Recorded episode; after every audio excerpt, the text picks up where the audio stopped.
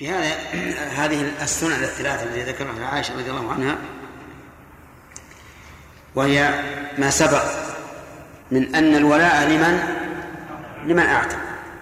والثانية التخيير على زوجها إذا اعتقت.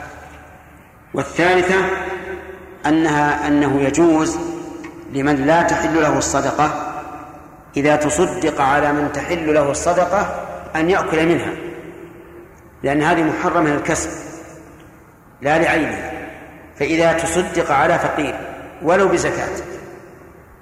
ثم أهدى لغني فلا بأس أن يأكل الغني من هذه الصدقة لأن هذه الصدقة لنفرض أنها تمر. هل هو هل هي محرمة لعينها؟ نعم لا بل لكسبها. هذه اكتسبت بطريق حلال تصدق بها على من هو أهل للصدقة فأهداها على من لا تحل له الصدقة. فصارت حلا لهذا مع أنه لو أخذها مباشرة لم تحل له. وفي هذا الحديث دليل على أن أزواج النبي صلى الله عليه وعلى آله وسلم من من آله وأنهم داخل وأنهم أو وأنهن داخلات في قول النبي صلى الله عليه وسلم إن الصدقة لا تحل لآل محمد. لقوله صلى الله عليه وسلم وهو لكم هدية. وهذا هو الحق. أن أزواج النبي صلى الله عليه وسلم من آل البيت وإن لم يكن من بني هاشم فهن من آل البيت. وهو صريح القرآن في قوله تعالى وقرن في بيوتكن ولا تبرجن تبرج الجاهلية الأولى وأقمنا الصلاة وآتينا الزكاة وأطعنا الله ورسوله إنما يريد الله ليذهب عنكم الرجس أهل البيت ويطهركم تطهيرا.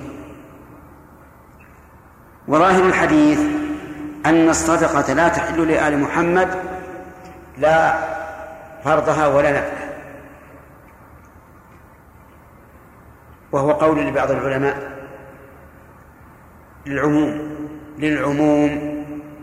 وقيل إن الصدقة تحل لآل البيت أعني صدقة التطوع.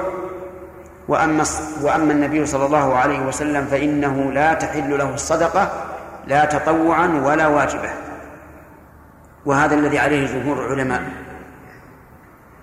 وربما يؤيد ذلك تعليل النبي صلى الله عليه وسلم التحريم بأن الصدقة أوساخ الناس كما قاله للعباس بن عبد المطلب. قال إنها أوساخ الناس. والصدقة التي هي أوساخ آه التي هي أوساخ هي التي يتطهر بها وهي الزكاة لقوله صلى الله عليه وسلم لقوله تعالى النبي صلى الله عليه وعلى آله وسلم خذ من أموالهم صدقة تطهرهم وتزكيهم بها. إذن الصدقة طهور والمراد بالصدقة هنا الزكاة لأن الرسول أمر أن يأخذها منه والذي عليه الجمهور هو الأقرب أن الزكاة الواجبة لا تحل لآل محمد.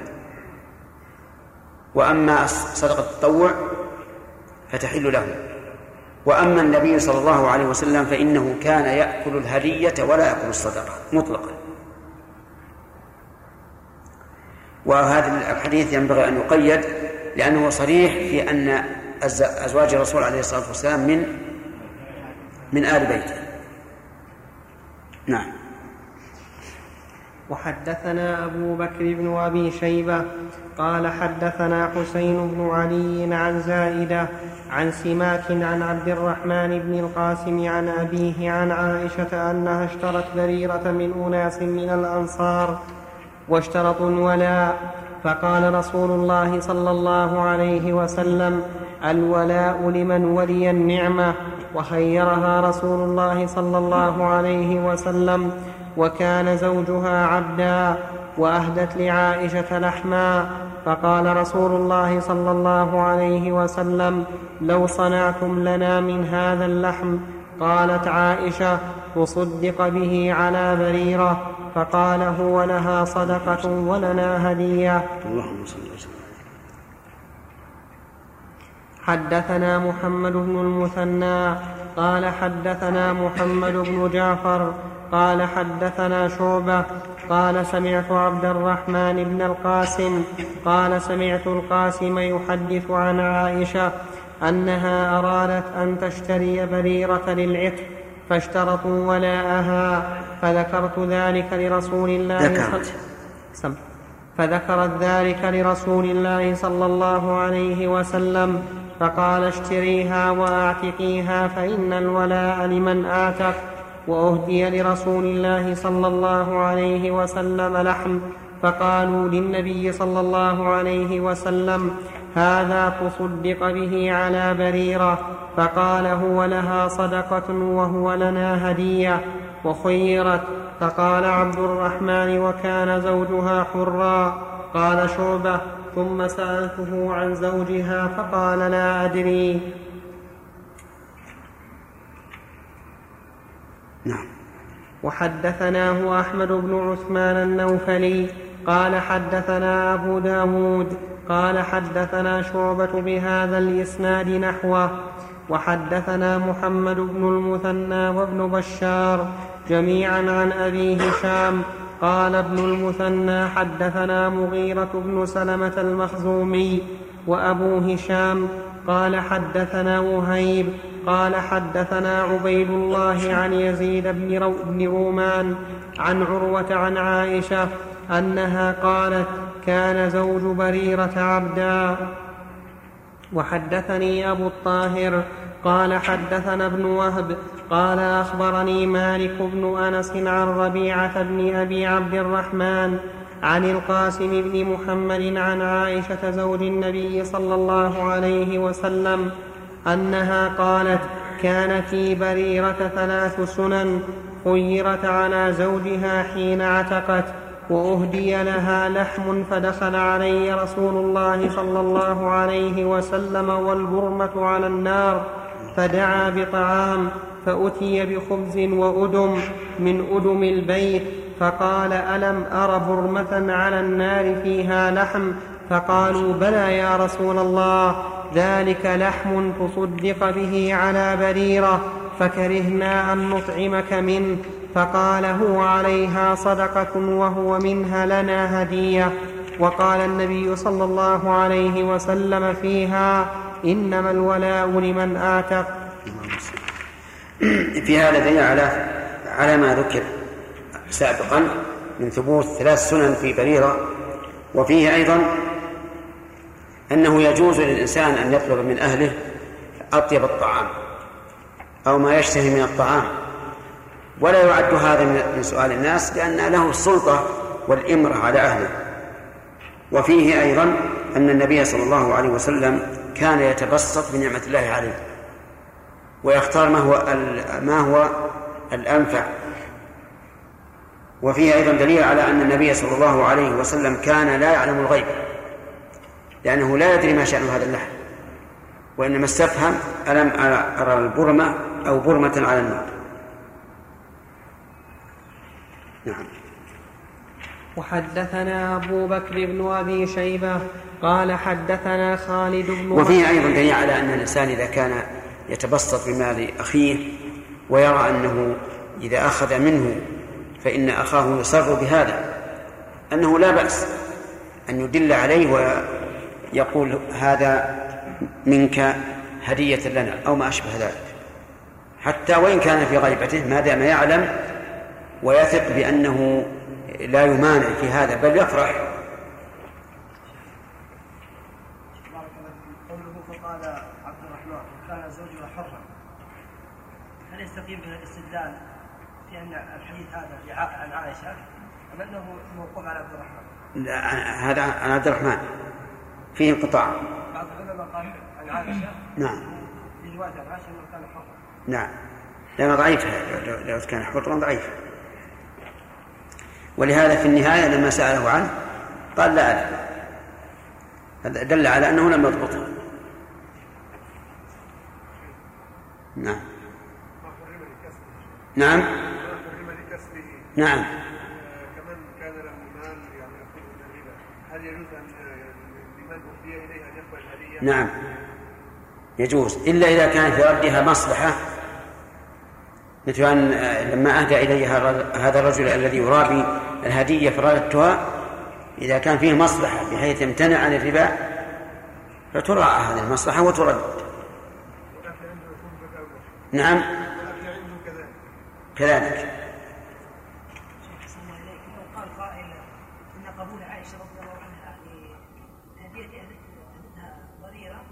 يدل على أنهم ما كانوا يعتقدون أن الصدقة لا تحل لها. نعم يدل على إيش؟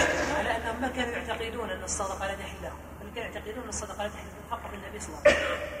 لا هي الرسول قال هي لكم لكم هدية يعني آل البيت.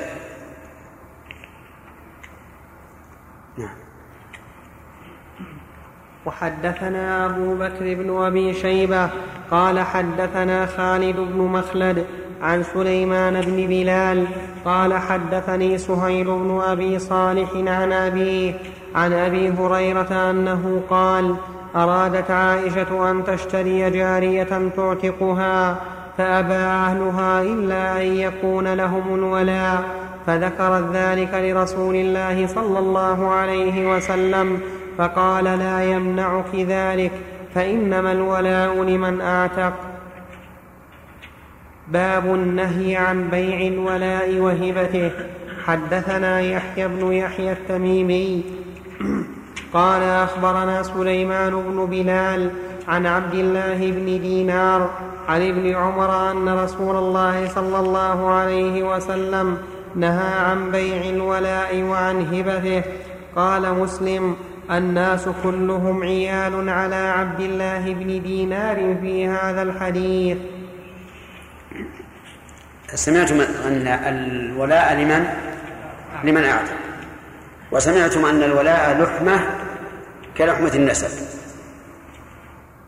وإذا كان كذلك فإن نعم وسمعتم أيضا أن الرسول صلى الله عليه وسلم أبطل اشتراط البائع أن يكون الولاء له. فدل هذا على أنه لا يمكن بيعه. يعني بمعنى أن الرجل إذا أعتق عبدا وصار الولاء له فجاء إنسان وقال بع علي ولاءك على هذا العبد فإنه لا يجوز بيعه.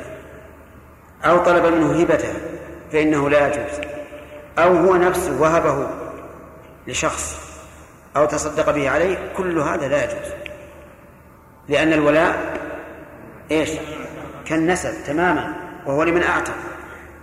فإذا كان الإنسان لا يمكن أن يقول لشخص وهبت لك ولدي أو نسب ولدي أو ما أشبه ذلك فكذلك الولد. وقول مسلم إن الناس كلهم يعني أهل الحديث عيال عبد الله بن دينار يعني أنه هو الذي نشر هذا الحديث وبينه ووضحه. نعم. وحدثنا أبو بكر بن أبي شيبة وزهير بن حرب قال حدثنا ابن عيينة حا وحدثنا يحيى بن أيوب وقتيبة وابن حجر قالوا حدثنا إسماعيل بن جعفر حا وحدثنا ابن نمير قال حدثنا أبي قال حدثنا سفيان بن سعيد حا وحدثنا ابن المثنى قال حدثنا محمد بن جعفر قال حدثنا شعبة حا وحدثنا ابن المثنى قال حدثنا عبد الوهاب قال حدثنا عبيد الله حا وحدثنا ابن رافع قال حدثنا ابن أبي فديك قال أخبرنا الضحاك يعني ابن عثمان كل هؤلاء عن عبد الله بن دينار عن ابن عمر عن النبي صلى الله عليه وسلم بمثله غير أن الثقفي ليس في حديثه عن عبيد الله إلا البيع ولم يذكر الهبة ولم يذكر الهبة. باب تحريم تولي العتيق غير مواليه. وحدثني محمد بن رافع قال حدثنا عبد الرزاق قال أخبرنا ابن جريج قال أخبرني أبو الزبير أنه سمع جابر بن عبد الله يقول كتب النبي صلى الله على كتب النبي صلى الله عليه وسلم على كل بطن عقوله ثم كتب أنه لا يحل لمسلم أن يتوالى مولى رجل مسلم بغير إذنه ثم أخبرت أنه لعن في صحيفته من فعل ذلك. هذا الحديث فيه تولي العتيق غير مواليه وأنه من المحرمات العظيمة. فقوله كتب على كل بطن عقوله المراد بذلك العقل يعني الدية يعني أن الدية توزع على البطون كل قبيلة تحمل دية من كان منها. وذلك في قتل الخطأ وشبه العمد لأن القتل ثلاثة أقسام على المشهور عند العلماء عمد شبه عمد وخطأ. أما العمد فديته على القاتل ولا يمكن أن تحمل العاقلة منه شيئا. لأن لأن القاتل عمدا يخير أولياء المقتول بين أن يقتلوه أو إيش؟ أو يأخذوا الدية. إذا اختاروا الدية فليس على العاقل شيء الدية على نفس القاتل. لأنه متعمد فليس أهلا للمساعدة. وشبه العمد والخطأ تكون الدية على العاقل. شبه العمد أن يتعمد الإنسان جناية لا تقتل غالبا. ولكنها آه، تقتل بالسراية مثلا. بأن يجرحه جرحا بسيطا لا يقتل عادة ثم يستشري هذا الجرح ويسري إلى حتى يموت. هذا يسمى شبه عمد. والخطأ أن لا يقصد الفعل أن لا يقصد القتل إنما يفعل ما له فعله كما لو رمى طيرا فأصاب إنسانا أو حصل آه، نعاس وهو قائد السيارة فانقلبت المهم أنه لم يقصد الفعل. هذا خطأ. شبه العمد والخطأ الدية فيه على على العاقلة وهم عصبات الإنسان. قريبهم وبعيدهم. توزع عليهم على حسب قربهم من القاتل وغناهم. وهي أيضا خاصة بالذكور البالغين العقلاء. فأما الصغار الذين لهم مال من مورث لهم أو ما أشبه ذلك فليس عليهم عقل. والمجانين كذلك. والنساء ليس عليهن عقل. إنما هي على ذكور العصبة إيه؟ البالغين العقلاء. ويحمل كل إنسان منهم ما يراه الحاكم الشرعي على حسب قربهم وعلى حسب غناهم. أما الحديث يقول لا ولا يحل لمسلم أن يتولى مولى رجل مسلم بغير إذنه. وظاهر الحديث بغير إذنه أنه لو أذن فلا بأس لكن سبق أنه لا يجوز في ولاء ولاء العتق أن يتولاه أحد سوى المعتق. فلعله أراد بذلك ولاية غير العتق. وسنرجع إليه في الشرح إن شاء الله. ثم أخبرت أنه لعن في صحيفته من فعل ذلك. قوله ثم أخبرت فيه جهالة لأنه لم يبين المخبر ومعلوم أنه يشترط لصحة الحديث أن يكون راويه عدلا ضابطا. شوف كلام النووي عليه. باب تحريم تولي العتيق غير مواليه. فيه نهيه صلى الله عليه وسلم أن يتولى العتيق غير مواليه وأنه لعن فاعل ذلك ومعناه أن ينتمي العتيق إلى ولاء غير معتقه وهذا حرام لتفويته حق المنعم عليه لأن الولاء كالنسب فيحرم تضييعه كما يحرم تضييع النسب وانتساب الإنسان إلى غير أبيه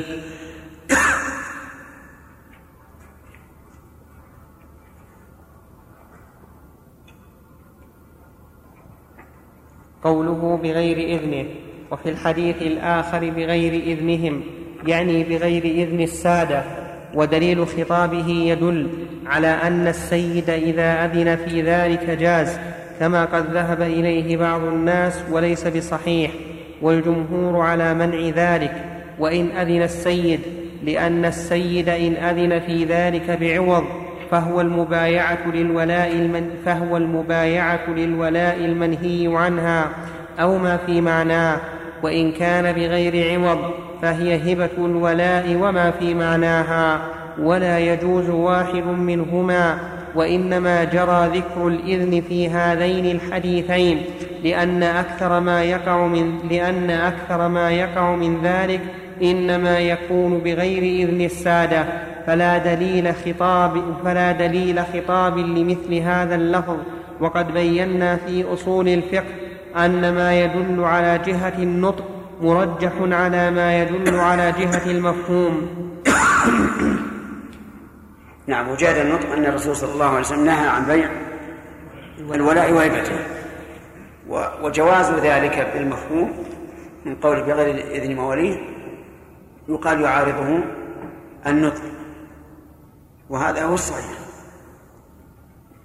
وقول إنه خرج مخرج الغالب فلا مفهوم له هذا قد يكون وجيها وقد يكون غير وجيه لكن الوجيه السديد أو الوجه السديد أن يقال دلالته على جواز التولي بالإذن دلالة مفهوم.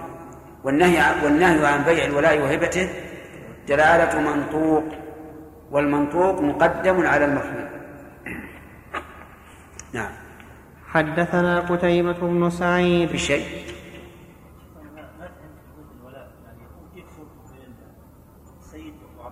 كيف؟ ما صورة الولاء؟ ما عندك عبد؟ ما عندك. اشتريت عبد واعتقته. فالولاء لك. آه. الولاء يكون بينك وبينه عصوبة. عصوبة. كالقرابة تماما. فمثلا إذا قدرنا أن هذا العبد الذي اعتقته صار يتاجر وصار عنده ملايين البلايين. فأنت وارث إذا لم يكن له عاصر ها؟ الله يفتح. فهمت الآن؟ طيب. لو أردت أن تهبه لسامح ما يجوز. إيه. نعم. إيش؟ نعم. إذا قتل رجل رجلا عمدا. نعم.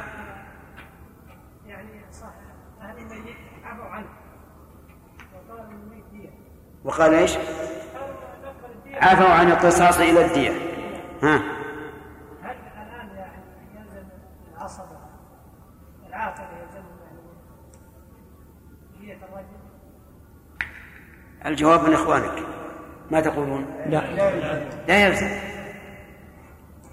إن أدي على العاقلة في الخطأ وشبه العمد فقط.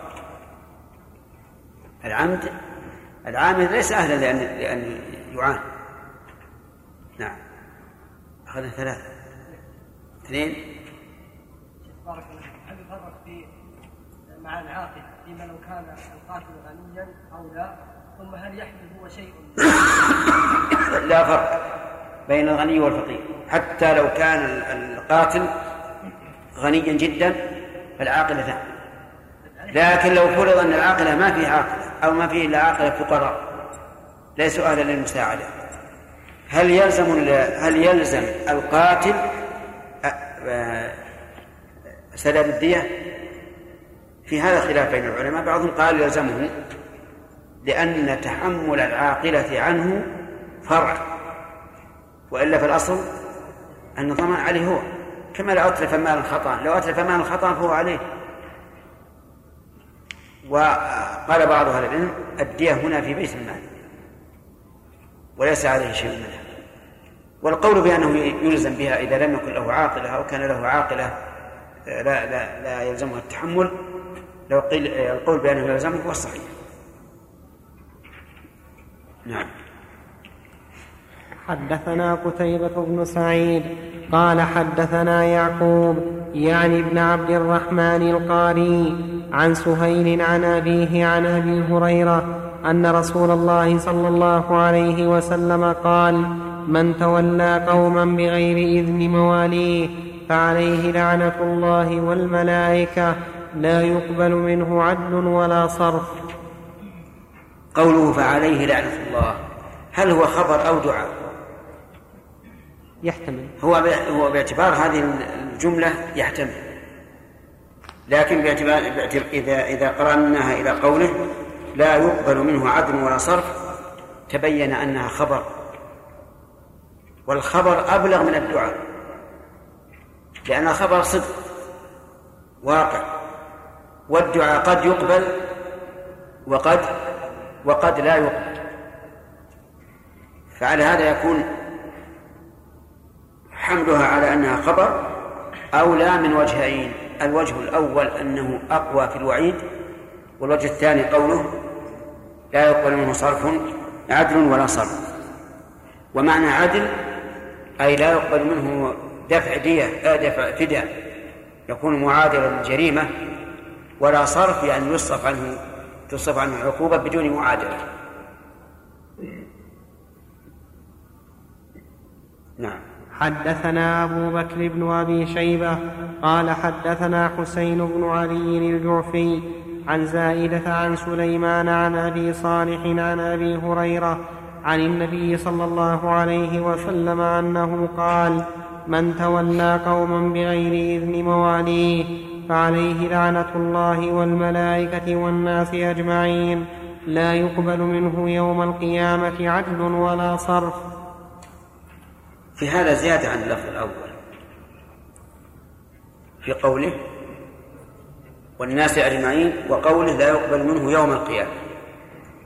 فهل نقول هذه الزيادة الشاذة أم ماذا؟ الجواب لا. لأن الزيادة من الثقة مقبولة إذا لم تنافي من هو أوثق. وهذه ليس ليس بينها وبين ما سبق منافاة وإنما في زيادة بغير منافاة. فتنبه لهذا. إذا وجدت في بعض السياقات زيادة من ثقة ولكنها لا تعارض آه، بقية الروايات فخذ بها. لأن الزائد معه زيادة علم. نعم. عندنا صرف ولا عدل والقارئ قرأ عدل ولا صرف وهو عندنا كذلك عدل ولا صرف نعم. وحدثنيه إبراهيم بن دينار قال حدثنا عبيد الله بن موسى قال حدثنا شيبان عن الأعمش بهذا الإسناد غير أنه قال ومن والى غير مواليه بغير إذنهم؟ وحدثنا أبو كريب قال حدثنا أبو معاوية قال حدثنا الأعمش عن إبراهيم التيمي عن أبيه قال خطبنا علي بن أبي طالب فقال من زعم أن عندنا شيئا نقرأه إلا كتاب الله وهذه الصحيفة قال وصحيفة معلقة في قراب سيفه فقد كذب فيها أسنان الإبل وأشياء من الجراحات وفيها قال النبي صلى الله عليه وسلم المدينة حرم ما بين عير إلى ثور فمن أحدث فيها حدثا أو آوى محدثا فعليه لعنة الله والملائكة والناس أجمعين. لا يقبل الله منه يوم القيامة صرفا ولا عدلا. وذمة المسلمين واحدة يسعى بها أدناهم. ومن ادعى إلى غير أبيه أو انتمى إلى غير مواليه فعليه لعنة الله والملائكة والناس أجمعين. لا يقبل الله منه يوم القيامة صرفا ولا عدلا. في هذا دليل على فضيلة علي بن أبي طالب رضي الله عنه لأن بعض الشيعة الضالة ادعوا أن النبي صلى الله عليه وسلم أوصى إليه بالخلافة. وقالوا إنه خاف على نفسه لو أظهرها لأنه على زعمهم كان الذين تولوا الخلافة قبله كانوا ظلمة ولا غرابة أن يقولوا أن يقول هؤلاء مثل هذا الكلام لأنهم أكذب الناس في الحديث باتفاق علماء الحديث أن هؤلاء أكذب الناس في الحديث وأن الكذب عندهم على الله ورسوله من أسهل ما يكون نسأل الله العافية. فعلي بن أبي طالب ليس عنده عهد من النبي عليه الصلاة والسلام أنه الخليفة. ولو كان عنده عهد بذلك لآثره حين اختلف الصحابة في في السقيفة. بل لأظهره حينما وكل عمر رضي الله عنه الخلافة إلى الشورى وبين ذلك. ولا يمكن أبدا أن يخالف الصحابة أن يخالف الصحابة وصية رسول الله صلى الله عليه وسلم. أبدا. وفيه أيضا أنه رضي الله عنه أعلن ذلك على الملأ كما كان يعلن على الملأ في في الكوفة أن خير هذه الأمة بعد نبيها أبو بكر وعمر. يعلنها إعلانا حتى يتبين لمن بعده إلى يوم القيامة أنه رضي الله عنه عرف الحق لأهله وإنما يعرف الفضل من الناس من؟ ذووه أي ذوو الفضل. وفيه أيضا نقول من زعم أن عندنا شيئا نقرأه إلا كتاب الله وهذه الصحيفة فقد كذب. فيه أيضا دليل على كذب هؤلاء الغلاة في علي بن أبي طالب الذين قالوا إن عند فاطمة رضي الله عنها مصحفا يزيد على المصاحف الموجودة الآن بنحو الثلث فإن هذا أكذب ما يكون. سبحان الله الأمة الإسلامية من أولها إلى آخرها تضل عن عن ثلث القرآن؟ والله عز وجل يقول إنا نحن نزلنا الذكر وإنا له لحافظون. فإما أن يكذبوا بهذه الآية فإما أن يكذبوا هذه الآية وإما أن يكذبوا دعواهم. ولا ليس لهم طريق إلا هذا. ونحن نعلم أن هذه الآية إيش؟ حق وصدق فتكون دعواهم كذب وباطل كذبا وباطلا. وفيه يقول أسنان الإبل وأشياء من الجراحات يعني ما يجب فيها. وفيها بيان تحريم المدينة أنها حرم ما بين عير إلى ثوب. لكن حرم المدينة أقل من حرم مكة. أولا لأن حرم المدينة مجمع عليه حرم مكة مجمع عليه. وحرم المدينة فيه خلاف. ثاني أن حرم المدينة ليس في قتل الصيد فيه جزاء وحرم مكة فيه الجزاء بالنص والإجماع. وثالثا أن الشجر والحشيش في المدينة يجوز أخذ ما تدعو الحاجة إليه بخلاف حرم مكة.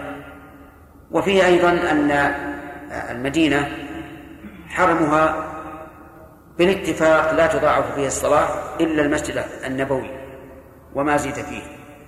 وحرم مكة اختلف العلماء رحمهم الله هل تضاعف فيه الصلوات إلى مائة ألف أو ذلك خاص في مسجد الكعبة؟ والصحيح الذي لا ريب فيه عندي أنه خاص بمسجد الكعبة لأن رسول الله صلى الله عليه وعلى آله وسلم قال كما ثبت في صحيح مسلم صلاة في مسجد هذا أفضل من ألف صلاة في مسواه إلا مسجد الكعبة. وهذا نص صريح لا ينبغي أن يختلف فيه اثنان. وأما قوله في في رواية الأخرى إلا المسجد الحرام فقد بينته هذه الآية الرواية أن المراد بالمسجد نفس المسجد الذي فيه الكعبة. وأما احتجاج بعضهم بأن الله تعالى قال تبارك الذي سبحان الذي أسرى بعبده ليلا من المسجد الحرام إلى المسجد الأقصى. وأنه أسري به من بيت أم هانة فهذا غلط. أسري بالنبي صلى الله عليه وسلم من الحجر الذي هو آه، بعض من الكعبة. وهذا ثابت في صحيح البخاري أنه أسري به من الحجر. قال بين أنا نائم في الحجر إذ أتاني آت. وذكر الحديث فيه رواية أنه أسري به من بيت أم هانة ولكن هذه الرواية إن صحت إن لم تكن شاذة فإنه فإنها حملها ابن حجر وغيره على أنه كان نائما في أول الليل في بيت أم هانة ثم استيقظ فذهب ونام في الحجر ثم أسري به من هناك. وهذا متعين أو يقال إن إن ذكر بيت أم هانئ شاذ.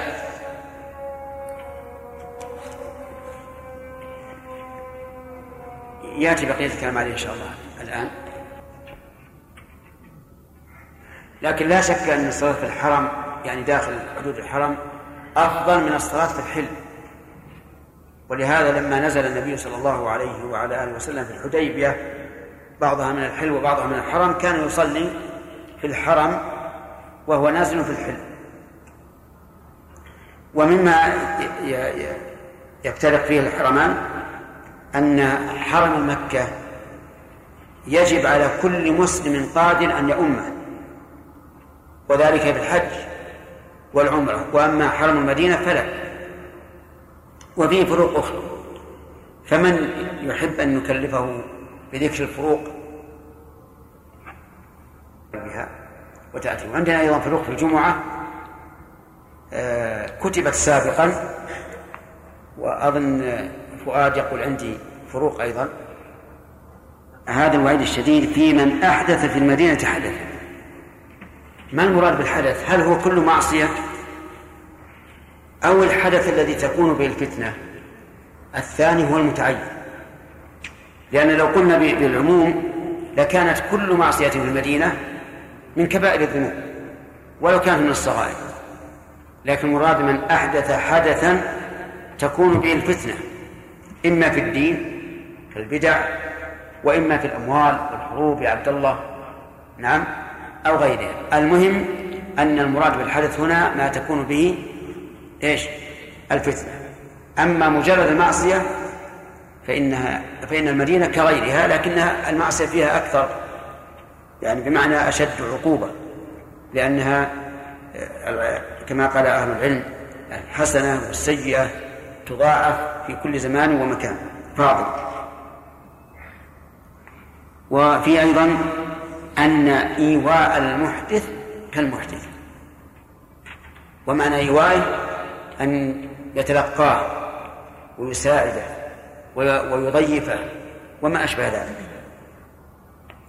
وفيه أيضا من الفوائد أن الله لا يقبل من هذا يوم القيامة لا صرفا ولا عدلا. والفرق بين الصرف والعدل شرف العدل أن يؤخذ منه شيء يعادل العقوبة. أما الصرف يصرف عن كذا نعم. طيب. قال وذمة المسلمين واحدة يسعى بها أدناهم. ذمة المسلمين يعني عهد المسلمين. واحدة يسعى بها أدناهم.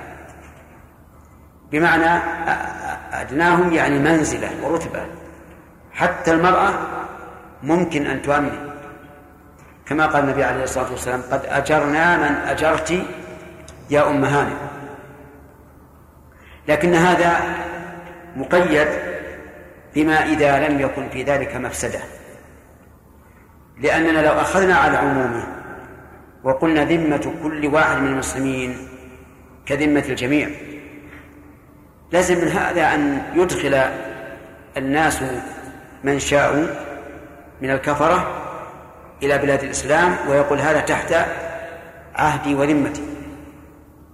فيقال الآن المسلمون قد ضبطوا الحدود ولم يرخصوا لأحد أن يعطي أمانا.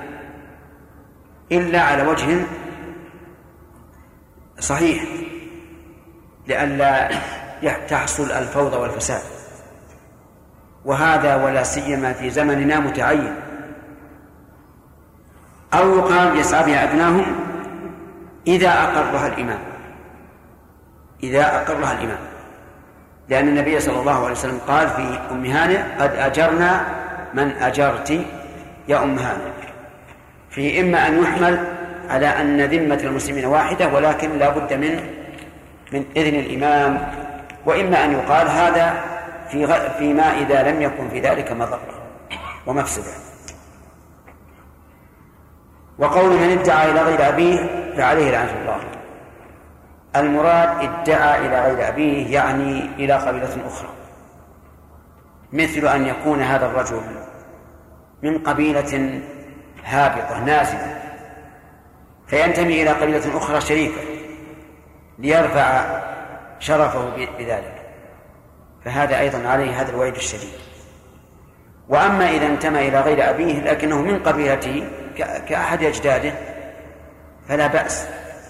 لا سيما إذا كان هذا الجد له شهرة وله سيادة وشرف. فإن ذلك لا بأس به. وقد قال وقد قال النبي صلى الله عليه وسلم أنا ابن عبد المطلب. مع أنه ابن ابن عبد الله. لكن لما كان جده أشهر بالسيادة وأظهر عند العرب انتسب إليه عليه الصلاة والسلام. أو يقال إن هذا الانتساب إلى غير الأب في غير من ليس معروفا في من ليس معروفا بالنسب. فيخفي نسبه وينتسب إلى آخرين. وأما من كان مشهور النسب واعتزى بأحد أجداده أو أعمامه أو أخواله مثلا فلا بأس. لأن بعض الناس كما يعتزي بجده يعتزي بأخيه أحيانا. يقول أنا أخو فلان. نعم. بل بعض العوام دون ذلك. يقول أنا أخوت يا أختي. أنا أخوت يا أختي. نعم. فيعتزي أختي لأنه يحميها. على كل حال هذه يجب أن أن تحمل على ما إذا كان هناك مفسدة ونسيان للنسب الصحيح. طيب وهل مثل ذلك من أخذ حفيظتين اثبات شخصية من بلدين؟ لا. يعني بمعنى أن يأخذ مثلا من السعودية على أنه سعودي ومن مصر على أنه مصري. ومن العراق على أنه عراقي ومن الكويت على أنه كويتي وهكذا. فيكون الرجل يشمل جميع الدول العربية ويزال عليها أيضا الإسلامية. هل مثل هل هذا مثله؟ لا. الظاهر أن لا لكن هل يجوز أو لا يجوز؟ الظاهر أنه لا يجوز لما في ذلك من الإلباس. والأمة الإسلامية من زمن بعيد متفرقة إلى دويلات. وإمارات. يعني لا يقول أنا رجل مسلم لي أنا أنتمي إلى أي دولة. يقول هذا فيه مفسدة. وهذه الإقامات هذه البطاقات فيها حفظ. حفظ عن يدخل فاسق يدخل مبتدع يدخل مهرب لأشياء ما تجوز حتى يعرف ففيها ضبط للناس. وكون الأمة الإسلامية أمة واحدة هذا ذهب من من زمان. من عهد الصحابة والأمة الإسلامية متفرقة عبد الله بن الزبير في الحجاز خليفة وبنو أمية في الشام خلفاء. من زمان التفرق هذا. ولكن نسأل الله أن يجمع كلمة المسلمين ولو كانوا متفرقين من حيث النظام على الحق. إنه على كل شيء قدير. و نعم. انتهى الكلام خلينا نكمل خلينا نكمل. باب فضل العتق. حدثنا محمد بن المثنى العنزي قال حدثنا يحيى بن سعيد عن عبد الله بن سعيد وهو ابن أبي هند. قال حدثني إسماعيل بن أبي حكيم عن سعيد بن مرجانه عن أبي هريرة عن النبي صلى الله عليه وسلم أنه قال من اعتق رقبة مؤمنة اعتق الله بكل إرب منها إربا منه من النار. وحدث الجزاء من جنس العمل. إذا أعتق عبدا فالعبد له رأس وله يد وله رجل وله بطن وله فرج. يعتق الله سيده بكل عضو منه عضوا من النار. وهذا حث عظيم على العتق. وهو دليل على ما سبق أن أشرنا إليه أن الشرع له تشوف كبير إلى إلى العتق نعم. وحدثنا داود بن رشيد قال حدثنا الوليد بن مسلم عن محمد بن مطرف أبي غسان المدني عن زيد بن أسلم عن علي بن حسين عن سعيد بن مرجانة عن أبي هريرة عن رسول الله صلى الله عليه وسلم قال من اعتق رقبة اعتق الله بكل عضو منها عضوا من أعضائه من النار حتى فرجه بفرجه. قوله هنا من اعتق رقبة. مطلق. لكن يجب أن يحمل على المقيد وهو أن تكون مؤمنة. وأما إذا اعتق كافرة فقد يقال إنه آثم إذا علمنا أن هذا العتيق سيذهب إلى الكفار ويساعدهم على المسلمين. فلا بد من قيد مؤمنة. فلو قال قائل ألستم تقولون إن ذكر بعض أفراد العام بحكم يوافق العام ليس تخصيصا للعام؟ فالجواب بلى لكننا نقول ذلك إذا كان المفهوم مفهوم لقب. أما إذا كان المفهوم مفهوم وصف فيجب أن يكون قيدا. انتبه لهذا لئلا تغتر بالقاعدة العامة. إذا كان المفهوم مفهوم لقب فإنه لا لا مفهوم له. فإنه لا يقتضي التخصيص. مثل أن تقول أكرم الطلبة ثم تقول أكرم محمدا وهو منهم. فهنا لا نقول إننا خصصنا العام وجعلنا الإكرام لمحمد فقط. لأن هذا مفهوم لقب يعني إلا هذا الشخص.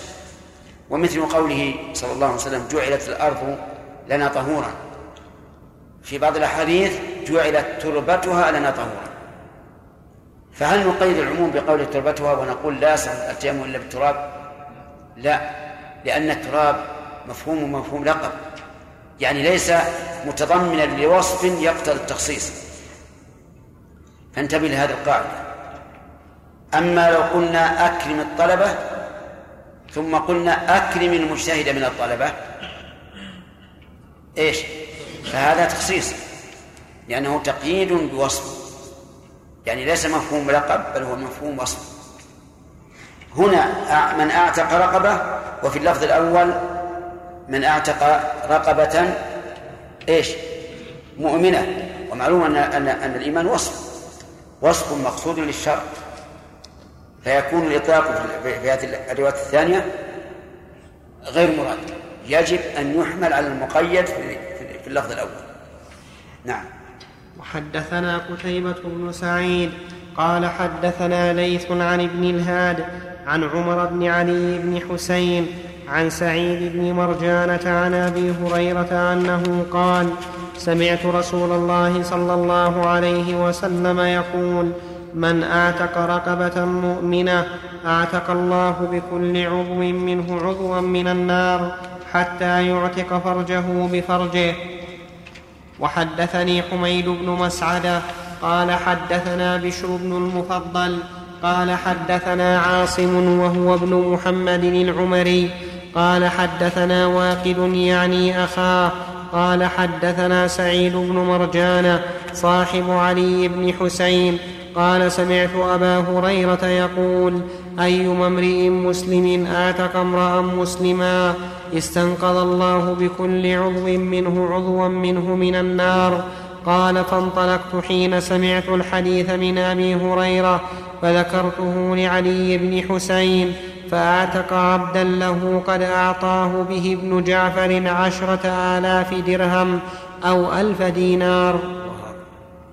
سرعة السلف الصالح إلى العمل حين يسمعون آه، الحث عليه أو الفضيلة فيه.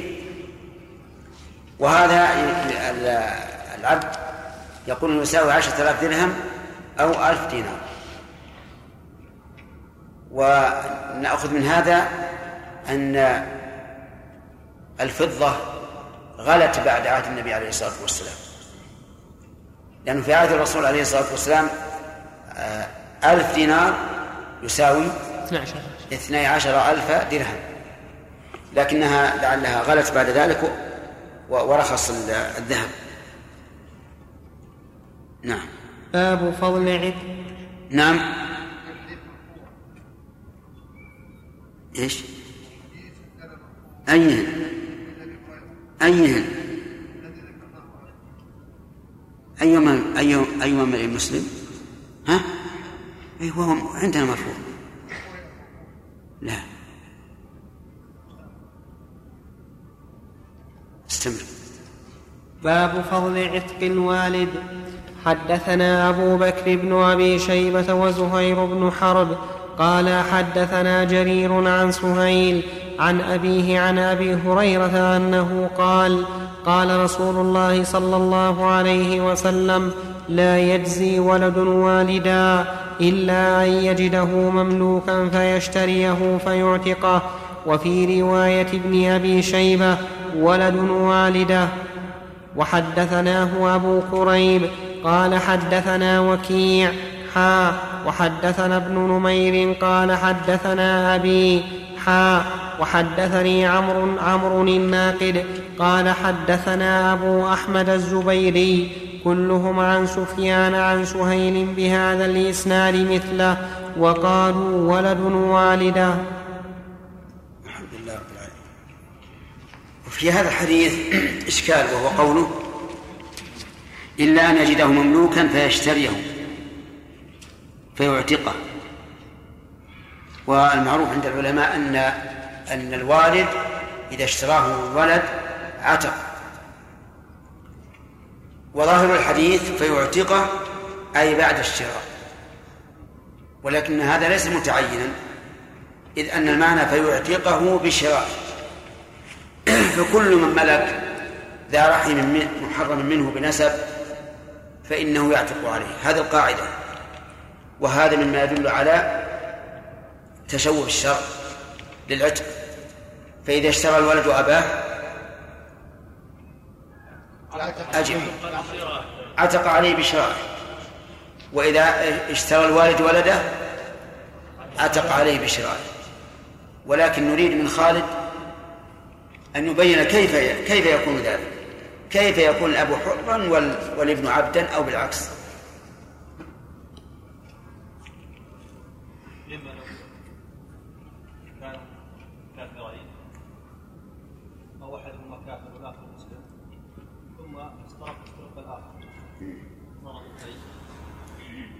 يعني يكون الرجل مسلم. وابنه كافر. وحصل جهاد واسترق الولد. فاشتراه الاب طيب أو بالعكس. نعم. هذا ممكن. يكون أبوه رقيق وأمه حرة فيتبع أمه. كيف؟ الولد نعم. وأبوه رقيق أبوه رقيق وأمه حرة نعم. فيتبع أمه. ما لم يجري عليه رق. إذا جرى عليه رق فيما بعد مثل كالصورة ذكر خالد حتى لو كان أبواه حرين ثم استرق بقتالنا للكفار وهو منهم صار رقيقا. لا يعني لو اشترى أبوه الرقيق يعني الولد حر واشترى أبوه واشترى أباه الرقيق نعم. فتكون أمه حرة فيكون تبعا لأمه. من؟ الولد. كيف أمه حرة؟ الولد. قد تكون رقيقة. لا لا أمه حرة. هي طيب. وأبوه رقيق. نعم. فهو تبع لأمه فهو حر. نعم. اشترى أباه الرقيق. إي نعم. وهذه صورة أيضا. هذه هذه من الصور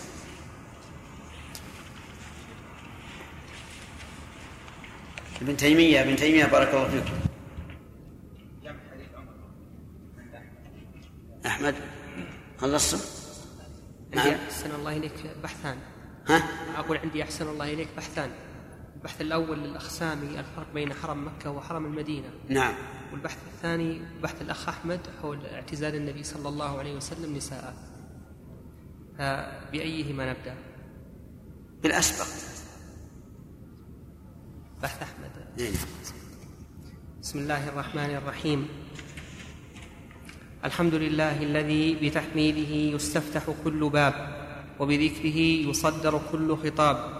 وبحمده يتنعم أهل النعيم في دار الثواب وباسمه يتسلى الأشقياء وإن أرخي دونهم الحجاب وضرب بينهم وبين السعداء بسور له باب باطنه فيه الرحمة وظاهره من قبله العذاب.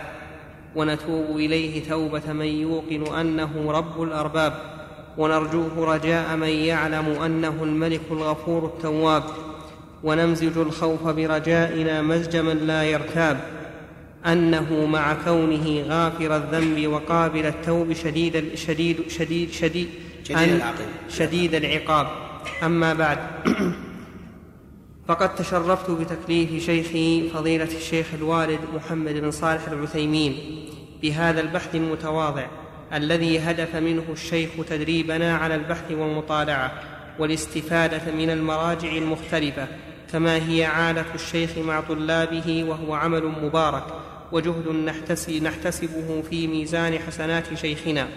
وذلك أننا إلى حاجة ماسة إلى مثل هذه البحوث التي التي تطلعنا على المراجع وتدربنا على التعامل معها. وأرجو من الله أن أكون وفقت وفقت باستيعاب هذا البحث بالصورة التي تحقق الغرض والفائدة وترضي شيخنا. وترضي شيخي. وقد كان البحث في جمع روايات ابن عباس رضي الله عنهما في قصة اعتزال النبي صلى الله عليه وسلم نساءه وتخييرهن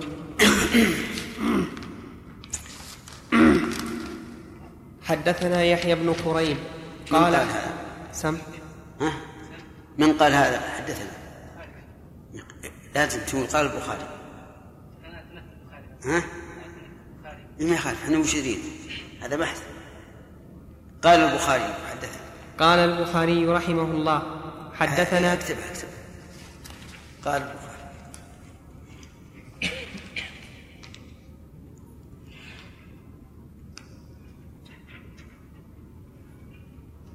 قال البخاري حدثنا يحيى بن كريب قال حدثنا الليث عن عقيل عن ابن شهاب قال أخبرني عبيد الله بن عبد الله بن أبي ثور عن عبد الله بن عباس رضي الله عنهما قال لم أزل حريصا على أن أسأل عمر رضي الله عنه وفي لفظ لبثت سنة وأنا أريد أن أسأل عمر وفي لفظ أيضا فمكثت سنة فلم أجد له موضعا حتى خرجت معه حاجا فلما كنا بظهران ذهب عمر إلى حاجته فقال أدركني بالوضوء أدركني بالوضوء فأدركته بإداوة فجعلت أسكب عليه. هو في رواية بمر الظهران؟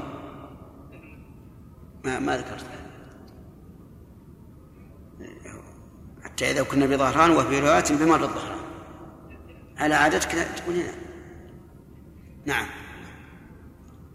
آه، حتى أس- فجعلت أسكب عليه ورأيت موضعا فقلت يا أمير المؤمنين وعند مسلم حتى صحبته إلى مكة وعند مسلم أيضا فقال أدركني بإداوة ماء فلما قضى حاجته ورجع ذهبت أصب عليه وعند أحمد فسكبت على يديه فتوضأ. عن المرأتين من أزواج النبي صلى الله عليه وسلم اللتين قال الله لهما إن تتوبا إلى الله فقد صغت قلوبكما. وفي لفظ اللتين تظاهرتا على النبي صلى الله عليه وسلم فجعلت أهابه فجعلت أهابه فحججت معه فعدل وعدلت معه بالإداوة. وفي لفظ فنزل يوما منزلا فدخل الأراك. وفي لفظ لمسلم عدل إلى الأراك لحاجة له فوقفت له حتى فرغ ثم ثم سرت معه. فتبرز ثم جاء فسكبت على يديه من الإداوة فتوضأ فقلت يا أمير المؤمنين من المرأتان من أزواج النبي صلى الله عليه وسلم اللتان قال الله عز وجل لهما إن تتوبا إلى الله فقد صغت قلوبكما فقال وعجبا لك يا ابن عباس عائشة وحفصة عائشة وحفصة وفي لفظ قال فقلت له والله إن كنت لأريد أن أسألك عن هذا منذ سنة فما أستطيع هيبة لك؟ قال لا تفعل ما ظننت أن عندي من علم فسلني عنه فإن كنت أعلمه أخبرتك.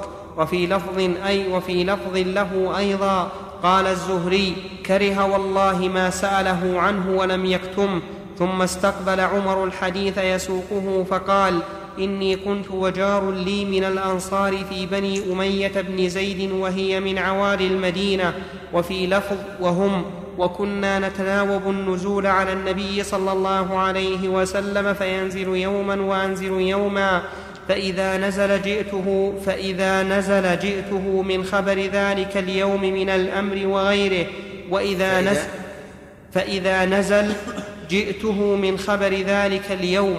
من الأمر وغيره من قلب العبارة هنا. ها؟ هو الظاهر قلب. نزل إذا نزل هو اللي يأتي بالخبر إلى عمر معك ال- الكتاب نعم. لا تعدل هذا نعم وش, وش نقول؟ الذي ينزل أخ- خلوا يعده من سم. س- الذي ينزل هو الذي يأتي بالخبر ينزل إلى المدينة ويخبر ويأخذ الأخبار ويخرج بها إلى صاحبه. نعم. وإذا نزل فعل مثله وفي لفظ من الوحي أو غيره وفي لفظ له أيضا إذا غاب عن رسول الله صلى الله عليه وسلم وشهدته أتيته بما يكون. وإذا غبت عن رسول الله صلى الله عليه وسلم وشهد أتاني بما يكون من رسول الله صلى الله عليه وسلم. وكان من حول وكان من حول من حول رسول وكان من وكان من حول من حول وكان من حول رسول وكان من حول رسول الله صلى الله عليه وسلم قد استقام له. وكنا معشر قريش نغلب النساء. كان من حوله من عندك قد استقام لهم؟ إلا يعني الذين حوله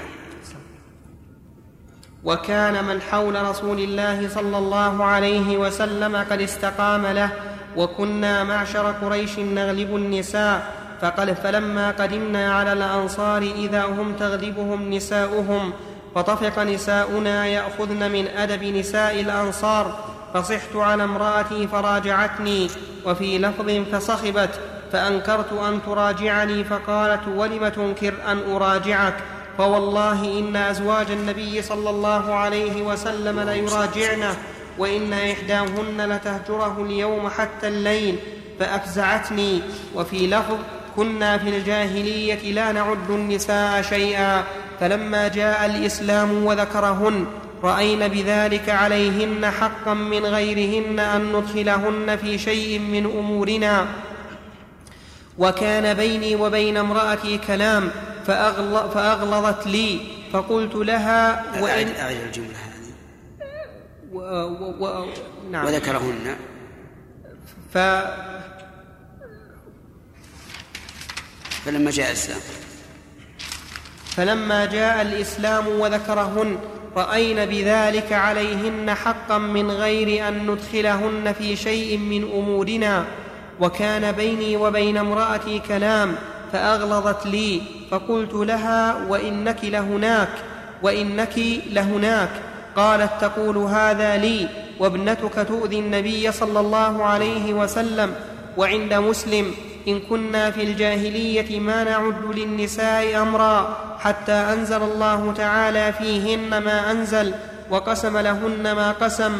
قال فبينما أنا بأمر ائتمرته إذ قالت لي, لي إذ قالت لي إذ قالت لي امرأة إذ قالت لي امرأتي لو صنعت كذا وكذا أو قلت وقل لو صنعت كذا وكذا وقل وقلت وقلت لها وما لك أنت؟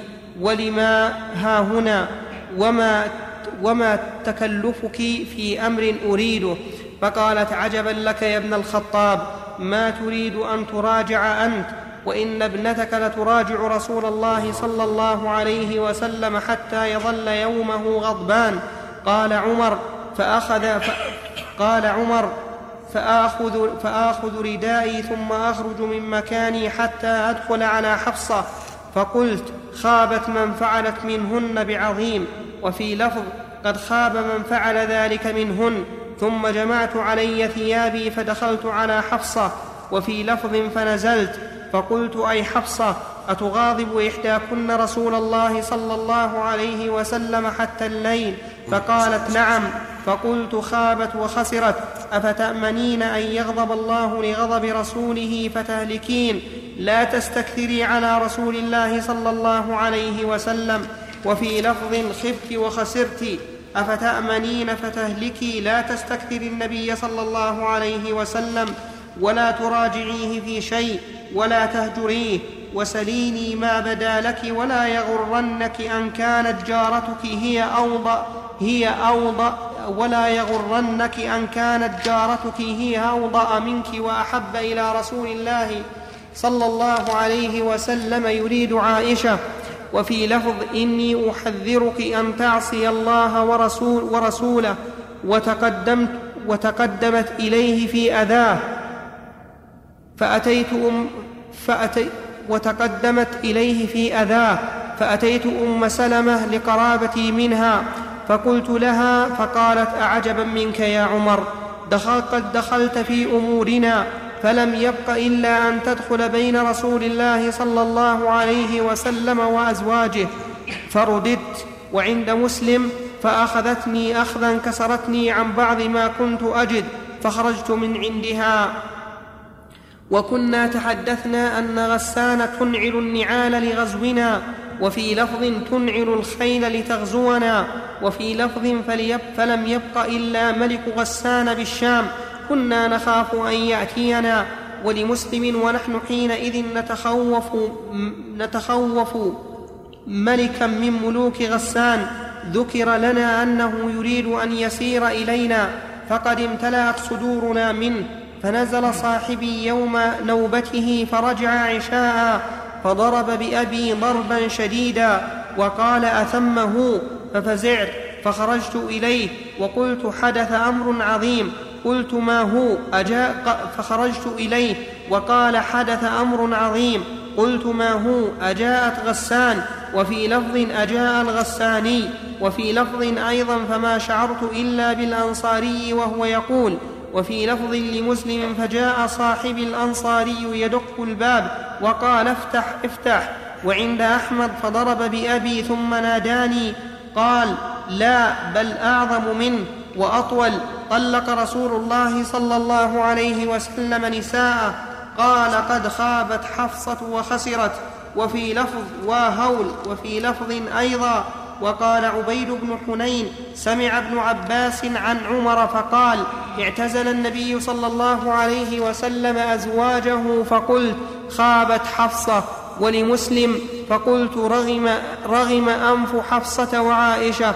كنت أظن أن هذا يوشك أن يكون فجمعت علي ثيابي فصليت صلاة الفجر مع النبي صلى الله عليه وسلم فدخل مشربة له فاعتزل فيها فدخلت على حفصة فإذا هي تبكي وفي لفظ فجئت فإذا البكاء في, في حجرهن كلهن وعند مسلم وأتيت الحجر فإذا في كل بيت بكاء قلت ما يبكيك؟ أولم أكن حذرتك أطلقكن رسول الله صلى الله عليه وسلم؟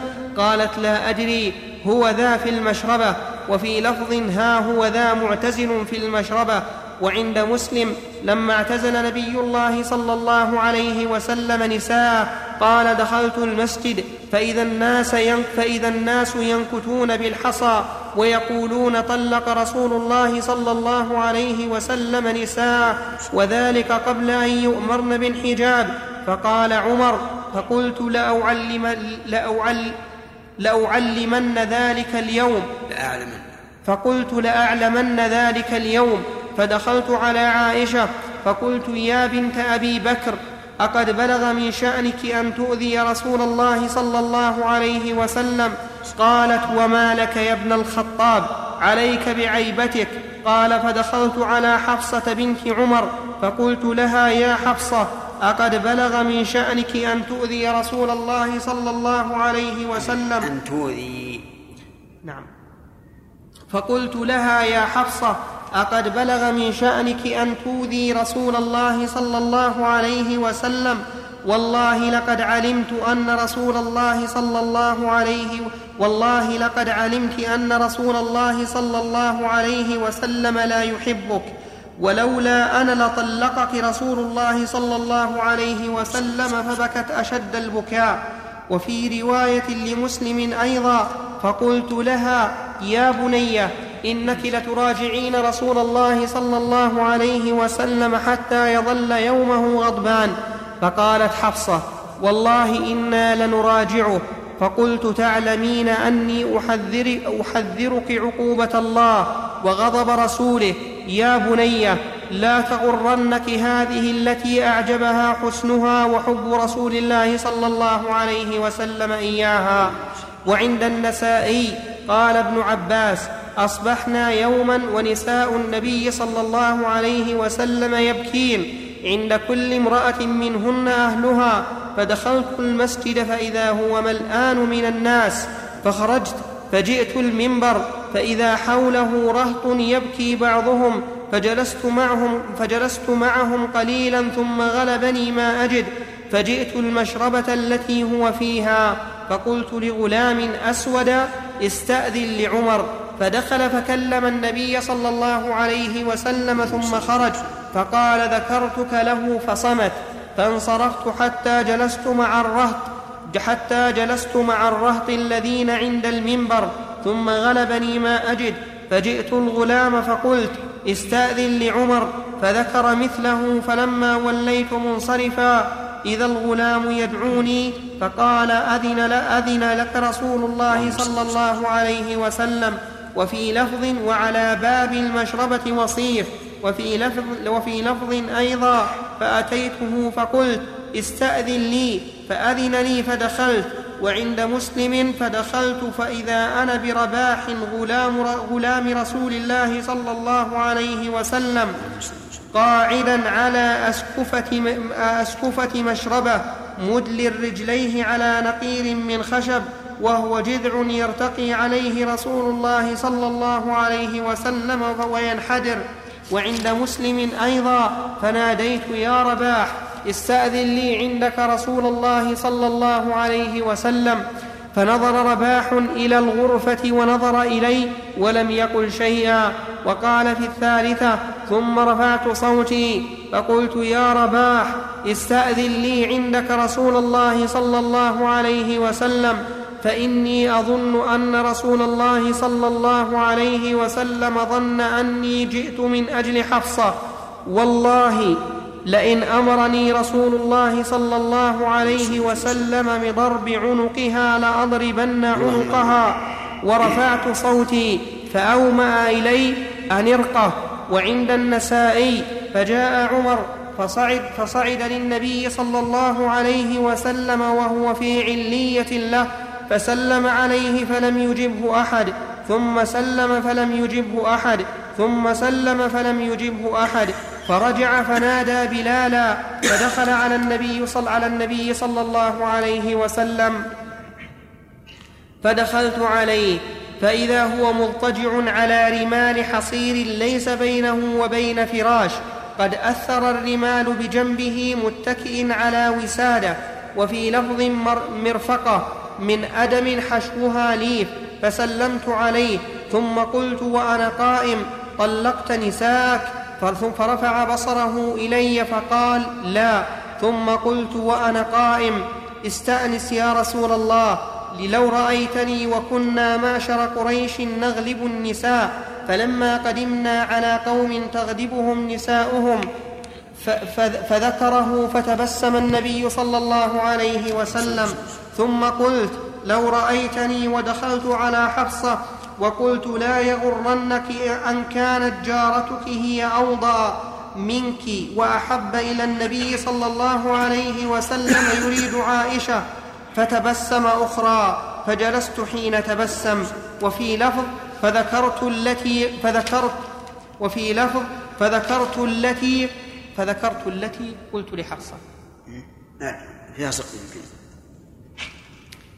فذكرت فذكرت التي ما قال الذي. نعم. فذكرت التي قلت لابد من مراجعة فيها بعض الأشياء اللي تحققها إن شاء الله. فذكرت الذي لكن قلت عجلناه. نعم. فذكرت الذي لكن خط والحيل جيد. إن شاء الله. فذكرت الذي قلت لحفصة وأم سلمة والذي ردت علي أم سلمة فضحك النبي صلى الله عليه وسلم. ولفظ آخر ولفظ آخر أيضا. ما فيه وفي لا في.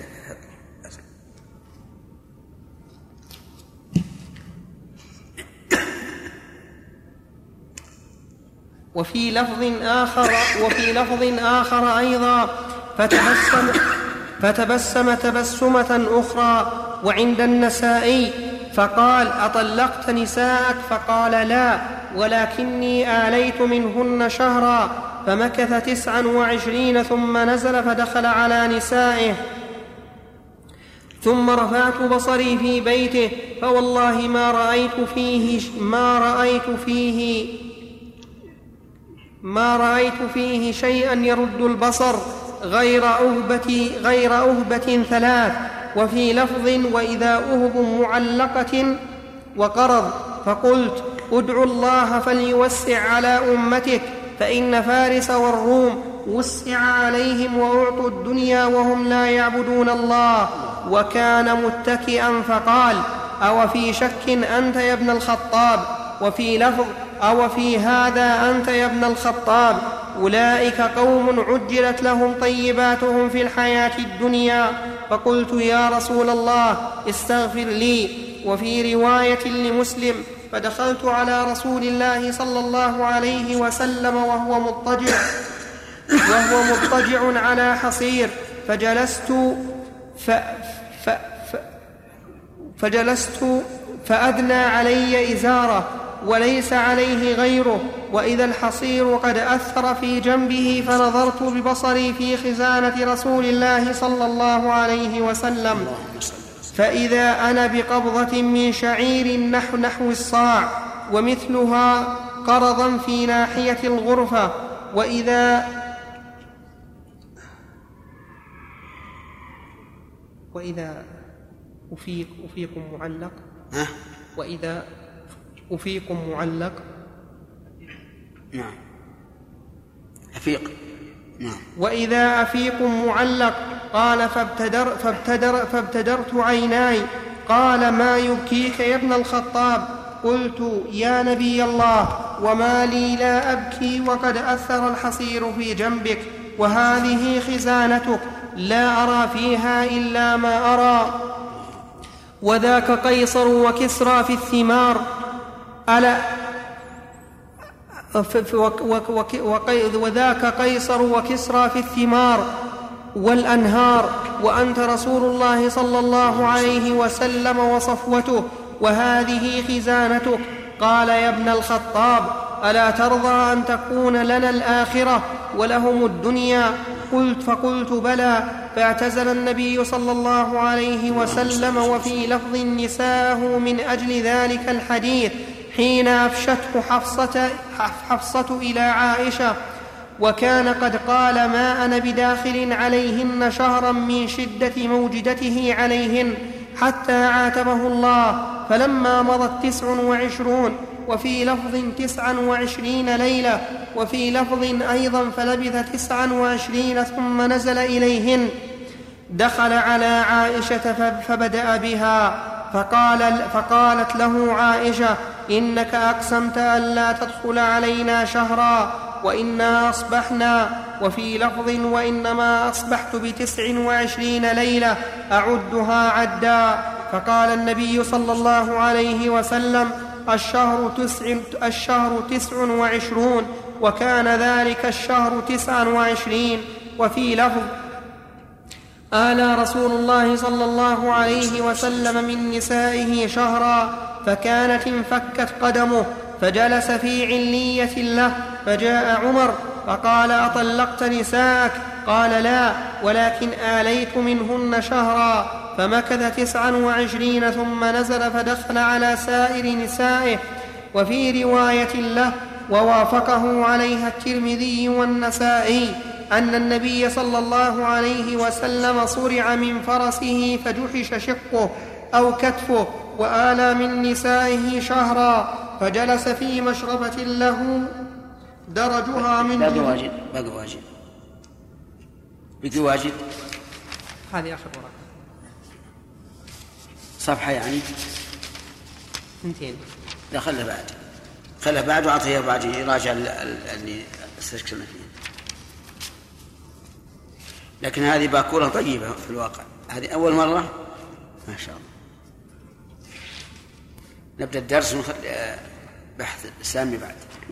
أيها الأحبة جزا الله فضيلة الشيخ خير الجزاء على هذا التعليق. ونحب أن ننبه إخواننا إلى أنه يلي هذه المجموعة التعليق على كتاب البيوع من صحيح الإمام مسلم مع تحيات مؤسسة الاستقامة الإسلامية للإنتاج والتوزيع في عنيزة الصلاة والسلام على أشرف الأنبياء والمرسلين نبينا محمد وعلى آله وأصحابه أجمعين. أما بعد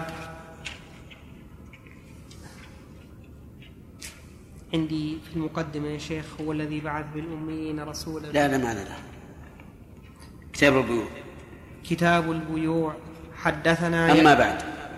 أما بعد كتاب البيوع. وش ما إيش؟ كتاب البيوع منين؟ من زاد المستقنع؟ أقول كتاب البيوع من زاد المستقنع؟ لا كتاب آه إيه نعم. منين؟ تأتي إن شاء الله. من أي كتاب؟ طيب. يلا. قال الإمام مسلم رحمه الله تعالى في صحيحه في كتاب في كتاب البيوع في باب إبطال بيع الملامسة والمنابذة. حدثنا بسم الله يحيى الرحمن الرحيم. كتاب البيوع. البيوع فيما بعدها تعد من المعاملات الجارية بين الناس. والبيع معروف التبادل بين شخصين بالأعيان أو المنافع. على وجه الدوام والاستمرار وهو مأخوذ من مد الباع لأن كل واحد من المتبايعين يمد باعه إلى الآخر. وهو وهو أعني نعم وهو مباح. الأصل فيه الحل لقول الله تبارك وتعالى وأحل الله البيع. فكل ما يصدق عليه البيع فهو حلال إلا ما قام الدليل على تحريمه. وتحليل البيع من محاسن الشريعة. وذلك أن المتبايعين ربما يحتاج أحدهما إلى ما في يد الآخر ولا طريق إلى ذلك إلا بالبيع أو القهر والظلم وهذا ممنوع. قد يحتاج الإنسان دراهم وعنده بيت واسع كبير فيبيع البيت بالدراهم ويقضي حاجته ويشتري ببعضها بيتا دون ذلك. وكذلك قد يحتاج الإنسان سيارة ولا طريق إلى ذلك إلا في البيع والأجرة وإن كان هي وإن كانت طريقا آخر لكنها نوع من البيع. فعلى كل حال تحليل البيع من محاسن الشريعة. وفي عناية الله تبارك وتعالى في كتابه وفي سنة رسوله صلى الله عليه وسلم بالبيع دليل على بطلان ما ادعى هؤلاء القوم الذين يقولون العبادة لله والمعاملة لعباد الله وأن المعاملات موكولة إلى عادات الناس وأعرافهم.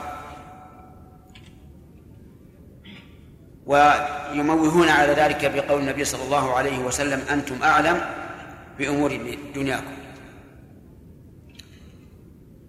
وإذا كان الأصل في البيع الحل فأي إنسان يقول عن معاملة في البيع. إنها حرام فإنه يطالب يطالب بالدليل لأن الأصل الحل وأحل الله البيع. ولكن البيع المحرم يدور على ثلاثة أشياء الربا والظلم والغرر. يعني لو أنك تتبعت البيوع المنهية عنها لوجدتها لا تخرج عن هذه الأمور الثلاثة. إما ربا وإن لم يكن فيه ظلم كما لو باع صاعا طيبا بصاعين والقيمة سواء فهنا لا ظلم لأنه برضاهما وليس هناك زيادة من أحدهما على الآخر إلا في الكمية فقط. أو الظلم مثل الغش تلقي الجلب وما أشبه ذلك. أو إيش؟ الغرر حتى لو رضي الطرفان بالغرر فإن ذلك لا يجوز لأن الغرر داخل في الميسر. ولهذا نهى النبي صلى الله عليه وسلم عن عن بيع كل غرر.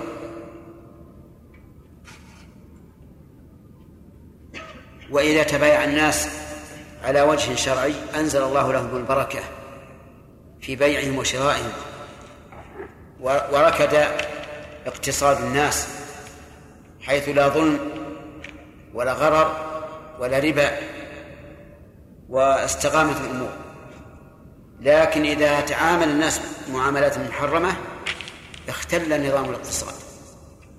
لأن الذي نظم هذه المعاملات هو الله عز وجل.